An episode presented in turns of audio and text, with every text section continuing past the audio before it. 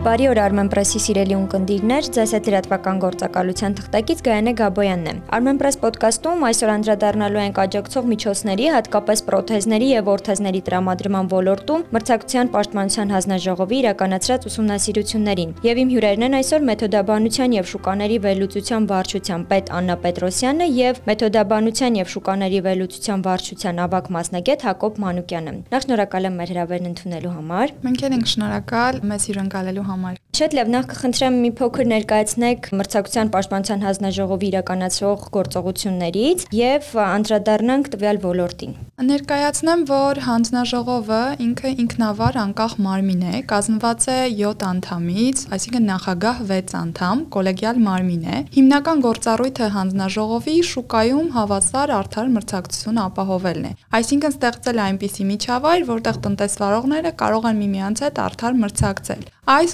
գործառույթը իրականացնելու համար հանձնաժողովը հիմնականում երկու ուղղությամբ է ծավալում իր գործնեությունը, այսինքն հարուցում է վարույթներ, կոնկրետ ոչ օրինապահ տնտեսվարող սուբյեկտներին բացահայտելու, նրանց գործնեությունը օրինական դաշտ բերելու մրցակցության տեսանկյունից, այսինքն երբեմն նաև պատժամիջոցներ կիրառելու տեսքով։ Եվ կա մեկ այլ գործառույթ, որը կոչվում է շուկաների ուսումնասիրություն։ Այս գործառույթը իրականացնելու ավելի համապարփակ է, այսինքն մեծ գլոբալ ուսումնասիրություն է իրականացվում, ներառվում է այնտեղ օրենսդրական դաշտը, շուկայի առանձնահատկությունները, ներառվում են տնտեսվարողները, իրենց մասնաբաժինները, եթե կան միջազգային փորձ կամ միջազգային կարգավորումներ դիտարկվում է այդ փորձը, փորձում ենք բացահայտենք բոլոր տեսակի խնդիրները այդ շուկայում եւ այդ բացահայտված խնդիրների մասով փորձում է հանձնաժողովը գտնել լուծումներ։ Եթե խնդիրները վերաբերվում են իրավական դաշտին կամ այլ մարմինների լիազորությանը, ապա համապատասխան առաջարկներ ենք ներկայացնում այդ մարմինների, փորձելով կարգավորել դաշտը եւ մրցակցությունը, իսկ եթե կոնկրետ հանձնաժողովի գործառույթներին է վերաբերվում, արդեն ինչպես նշեցի, կոնկրետ վարույթների շրջանակներում փորձում ենք խորը բացահայտել եւ կարգավորումներ տալ եւ ոչ օրինապահ տնտեսվարողներին, այսպես ասած, պատժել։ Շուկայի ուսումնասիրությունը ինքը տարեկան ընտրվում է 5 շուկա,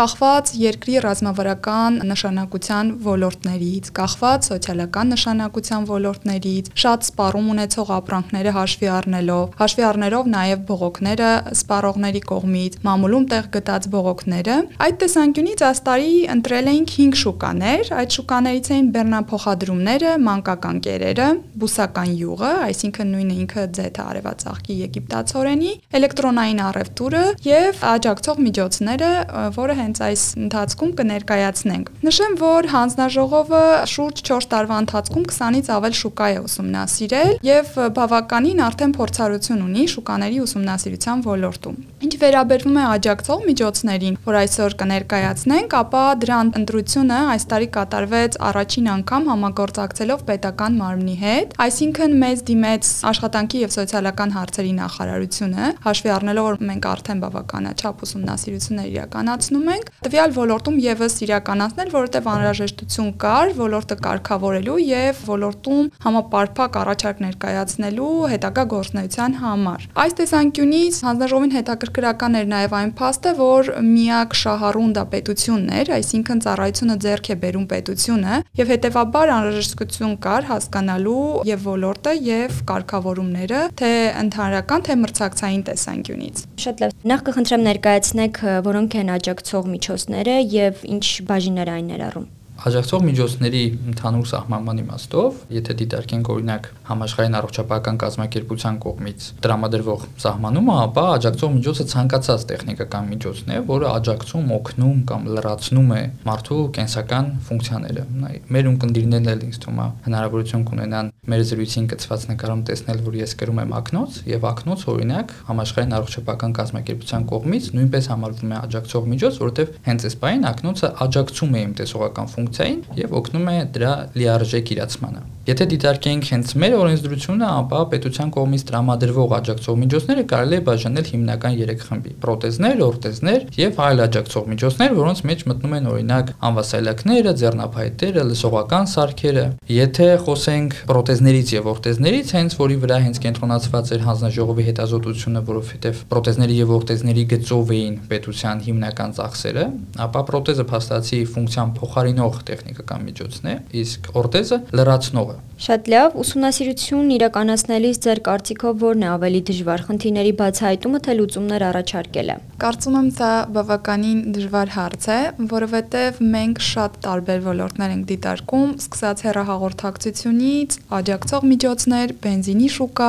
այդ տեսանկյունից նախ առաջին հերթին դժվար է բացահայտել խնդիրները, այսինքն հասկանալ ոլորտի առանձնահատկությունները, ոլորտու հատուկ տեխնիկական սարքավորումները, ոնց է աշխատում տվյալ ոլորտը, օրինակ նույնիսկ բժշկական մասնագիտական կարողություններ կարողա պետք լինի ներգրավենք մարդիկ, եւ նա եւ նա հավասարապես, այսինքն եւ բացահայտել խնդիրը եւ գտնել լուծումները բավականին ինքը բարդ աշխատանք է։ Լավ, որոնք էին ոլորտի հիմնական առանձնահատկությունները Հայաստանում եւ աշխարհում, ինչի մասին է խոսում տվյալների վերլուծությունը եւ ինչ դժվարությունների հանդիպեցիք ուսումնասիրությունների ընթացքում։ Եթե խոսենք առանձնահատկություններից, ապա ամենակարևորը երևի որ պետք է առանձնացնենք, դա ապագային ուղված կանխատեսումներն են եւ համաշխարհային առողջապահական կազմակերպությունը եւ մեր դիտարկումները ցույց են տալիս, որ թե Հայաստանում, թե աշխարհում արկա է ծերացման տենդենսը, ինչը բերելու է ապագայում այս ոլորտի սպառողների շրջանակի լայնացման։ Եթե դիտարկենք հենց իրենց նույն կազմակերպության կանխատեսումները, ապա համաշխարհային առողջապահական կազմակերպության հաշվարկներով այս պայն աշխարհում 2.5 միլիարդ մարդ ունի աջակցող միջոցի կարիք, եթե ակնոցը, ինչպես արդեն ասել էի, դիտարկենք որպես աջակցող միջոց։ Առանց ակնոցի դիտարկման այս պայն 900 միլիոն մարդ ունի աջակցող միջոցի կարիք։ Մինչև 2050 թվականը կանխատեսումները ցույց են տալիս, որ այդ ցուցանիշը կհասնի 1.3 միլիարդի առանց ակնոցի դիտարկման եւ ակնոցի դիտարկման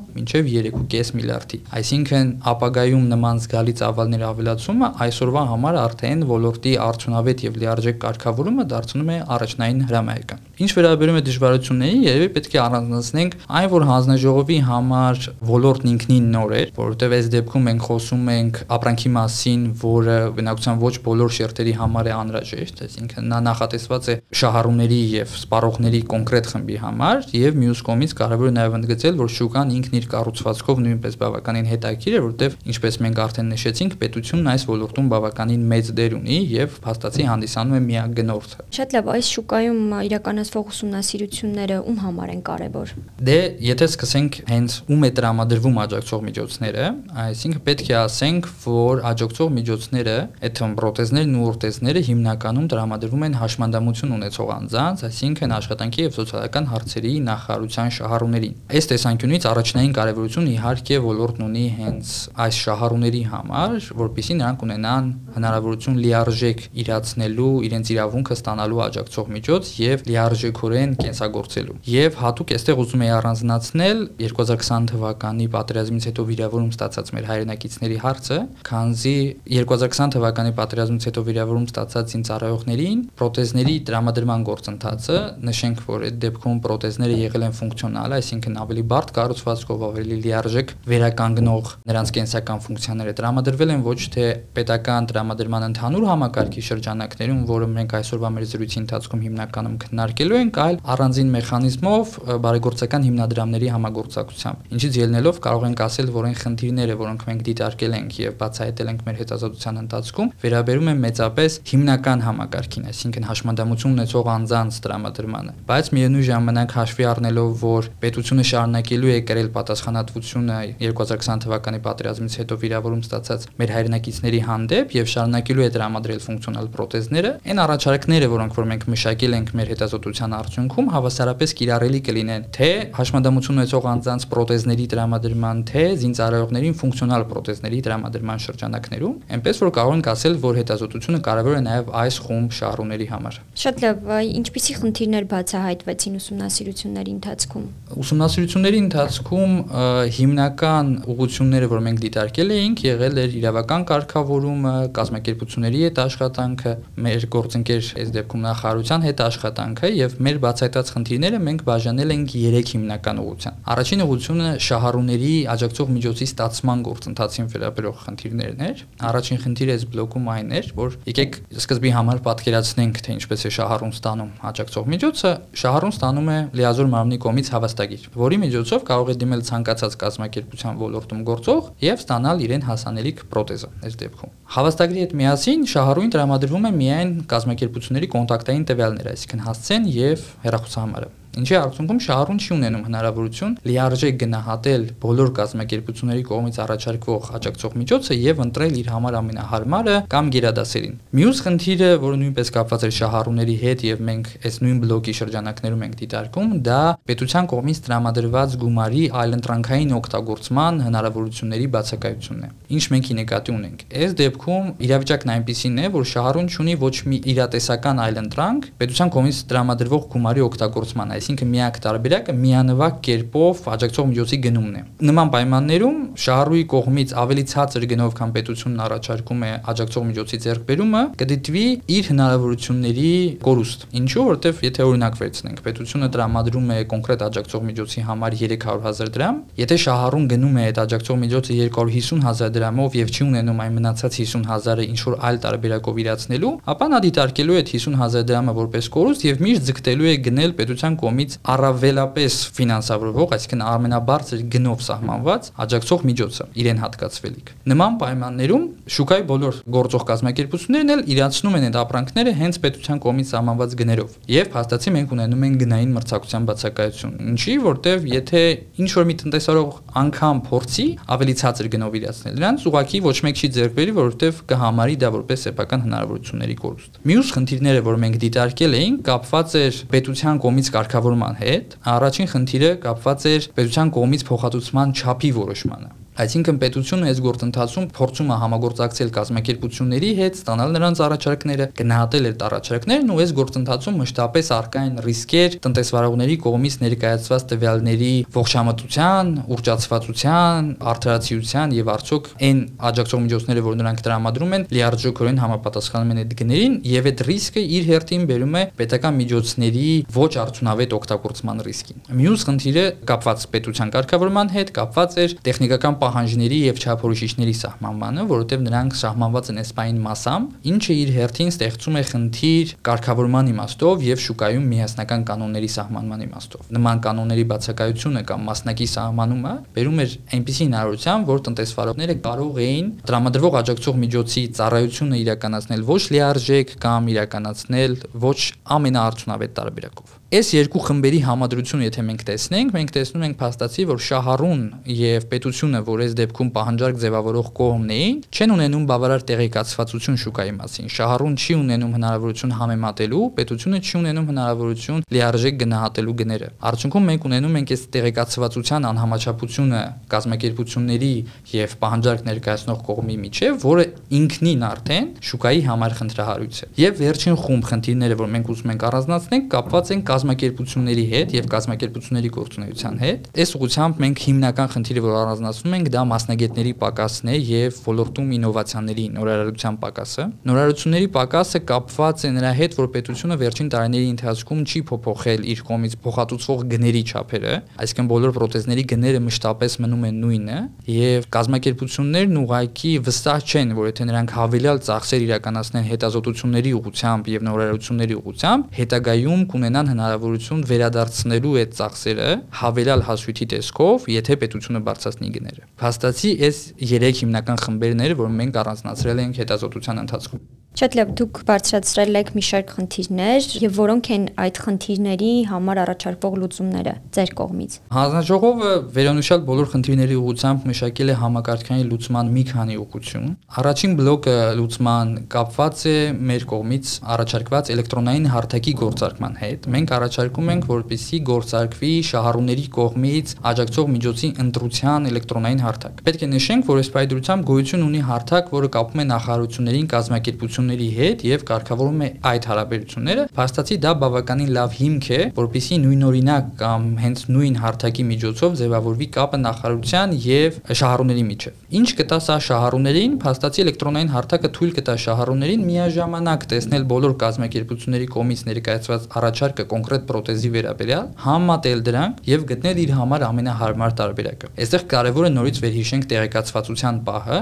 եւ կարեւոր է որ հարթակը լրացված լինի ոչ միայն ուղակի կոնտակտային տվյալներով կազմակերպությունների, այլ հենց աջակցող միջոցների վերաբերյալ բավականին շատ ինֆորմացիայով, այսինքն որ երկրից է օրինակ ներկրվում, որտեղ է հավաքվում, ով է մասնագետը։ Հնարավորության դեպքում հարթակը նաև պետք է համալրված լինի այլ շահառուների կողմից կարծիք արտահայտելու հնարավորությամբ, ինչը օրինակ թույլ կտա այդ շահառուին տեսնել, թե ուրիշ շահառուներն ինչ կարծիք ունեն այդ կազմակերպության մասին, ինչպես է նա սպասարկում։ Կարևոր է նաև հենց այս նույն բլոկում ավելացնել պետության կողմից տրամադրվող գումարի այլընտրանքային օգտագործման տարբերակը։ Այն ինչի մասին մենք արդեն նշել ենք։ Այս դեպքում, եթե օրինակ պետությունը տրամադրի նույն օրինակի շրջանակներում, հա, 300.000 դրամից 250.000-ը գնման վրա օգտագործելուց հետո 50.000 դրամը պահպանվի շահառուի հաշվին եւ նա ունենա հնարավորություն դա հետագայում օգտագործել իր այլ կալիքների, օրինակ վերանորոգման պրոթեզի կամ դետալների գնման համար, շահառուն մոտիվացված կլինի ընտրել ոչ թե առավելագույն գնովը, այլ ընտրել փոքր-ինչ ավելի նվազ գնովը, որpիսի ունենա բուֆեր, ունենա բավարար միջոցներ հետագայում այլ ռիսկերը կարգավորելու համար։ Մյուս բլոկը, որ մենք առանձնացրել ենք լուծման, դա գների որոշման, փոխհատուցման ծավալների որոշման հարցն է։ Այս դեպքում մենք պատկերացնում ենք խնդրի լուծումը մի քանի գերատեսչությունների համագործակցության տարբերակով, որովհետև մեր կարծիքով այս գործընթացին կարող են մասնակից լինել նաև այլ պետական մարմիններ, ովքեր գնագոյացման, վերլուծության վերաբերյալ ավելի մեծ փորձ ունեն, օրինակ հենց մեր հանձնաժողովը կամ պետական եկամուտների կոմիտեն, եւ այս դեպքում աշխատանքի եւ սոցիալական հարցերի նախարարությունը ավելի լիարժեք կկարողանա գնահատել ներկայացված առաջարկները եւ առաջարկների ողջամտությունը ու ավելի ճիշտ սահմանել փոխհատուցման ծավալները։ Մյուս կարևոր ուղղությունը իհարկե տեխնիկական պահանջներն ու չափորոշիչներն էին, որոնք մենք նշեցինք։ Տեխնիկական պահանջներն ու չափորոշիչները պետք է լրամշակվեն, որpիսի մենք ունենանք լիարժեք խաղի կանոններ բոլոր կազմակերպությունների համար։ Դա կապահովի շուկայում եւ հավասար պայմանները եւ շահառուների կողմից մաքսիմալ արդյունավետ ծառայությունների ստացումը։ Եվ վերջին ուղղությունը, որ ուզում ենք առանձնացնել, դա մասնագետների պակասի խնդրի կարգավորումն էր։ Մեր կարծիքով այս խնդիրը կարող է լուծվել նոր կրթական ծրագրերով եւ պետության կողմից երիտասարդներին դեպի այս մասնագիտություն նոր ծրագրեր, նոր հետաքրություններ առաջացնելով, օրինակ Երևանի պետական բժշկական համալսարանի հետ համագործակցությամբ նոր կրթական ծրագրեր մտցնելով, ինչը թույլ կտա ապագայում ճանաչել այս խնդիրը մասնագետների նվազքանակի։ Երևի, եթե ամփոփենք, այս 4 բլոկերի համակարգային կիրառումը կբերի ոլորտի ել ավելի արդյունավետ գործունեության ու մեր կողմից արձանագրած խնդիրների ամբողջական լուծման։